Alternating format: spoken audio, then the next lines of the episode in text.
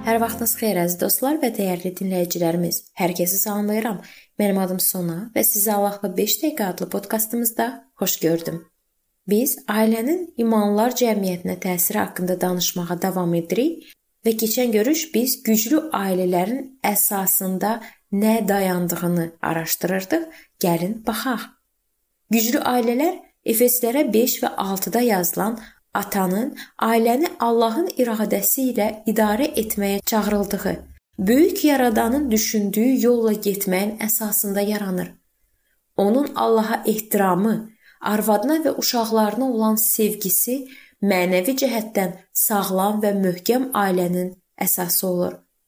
Ata üçün ən vacib iş ailənin tərbiyəsidir Bəzən çox gözəl təkliflərə də o, ailəsinə ən yaxşısını vermək üçün yox deməli olacaq.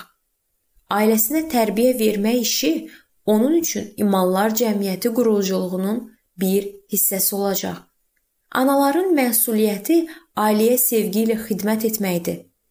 Onlar günü-gündən çətinləşsə də ailə həyatını ilk yerə qoyurlar. Onlar ailənin saflığının keşiyində dayanırlar. Onlar uşaqlarının hazırda harda olduğunu və nə işlə məşğul olduqlarını bilirlər. Bəzən analar zəruri nəsihəti almaq üçün ataları problemlərin varlığından xəbərdar edirlər. Ana ona Allah tərəfindən ayrılmış yerdə vəzifələrini icra etmək üçün ataya dəstək verir. Onun duada keçən həyatı və Allahla təmasları qadının ailəyə qayğısının həyati vacib hissəsidir. Analar bir çox üsullarla ailə bağlarını möhkəmləndirirlər. Məsələn, kimsə ailəyə pay gətirib.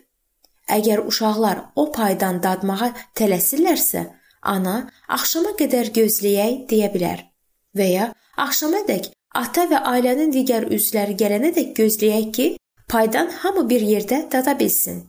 Belə davranış uşaqlara ailə birliyinə dəyər verməyə alışdırır.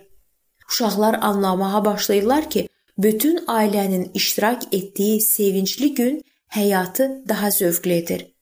Böyük qardaş və bacılar ailə daxilində yaxşı nümunə olmalıdırlar. Bəzən yeniyetmə oğlan və ya qızın bir səhvi ucbatından ailənin və ya imanlar cəmiyyətinin nüfuzuna xələl gəlir.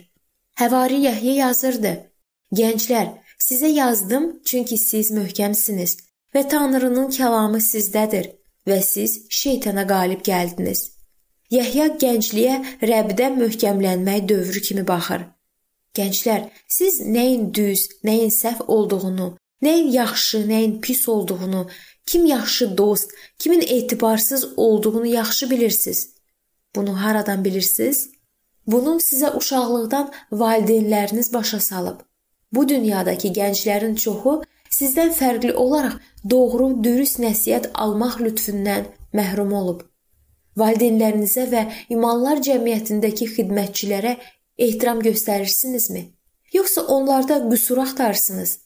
Bəli, valideynləriniz kamil olmaya bilər.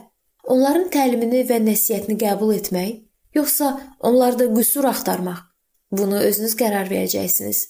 Qoy Allah sizə Rəbdə möhkəmlənməyə və ailənizin valideynlərinizin ruhlandırması və onlar üçün dua etmək vasitəsilə möhkəmlənməsi yolunda xidmətinizdə yardım etsin. Hətta 12-16 yaşlı yeniyetmələr də valideynlərinə ehtiram göstərdikdə ailənin inkişafına müsbət təsir göstərirlər. Böyümək yaşad olmaq qaydalarının gücünün və ya ayağınızın altındakı yerin möhkəm olub olmadığını yoxlamaq demək deyil həqiqi yetişkinlik valideynlərə və onların nəsihətlərinə ehtiramla ölçülür. Belə davranış təkcə ailəni yox, icmanı da möhkəmləndirir. Bu mövzunun davamını biz növbəti görüşümüzdə araşdıracağıq.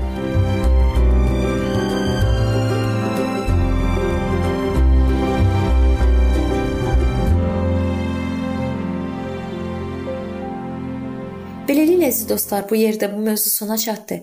Hər zaman olduğu kimi sizi dəvət edirəm ki, bizim podkastlarımızı Facebook səhifəmizdən və YouTube kanalımızdan dinləməyə davam edəsiniz. İndi isə mən sizinlə sağollaşıram və növbəti görüşlərdə görməyə ümidi ilə Sağ olun, salamat qalın.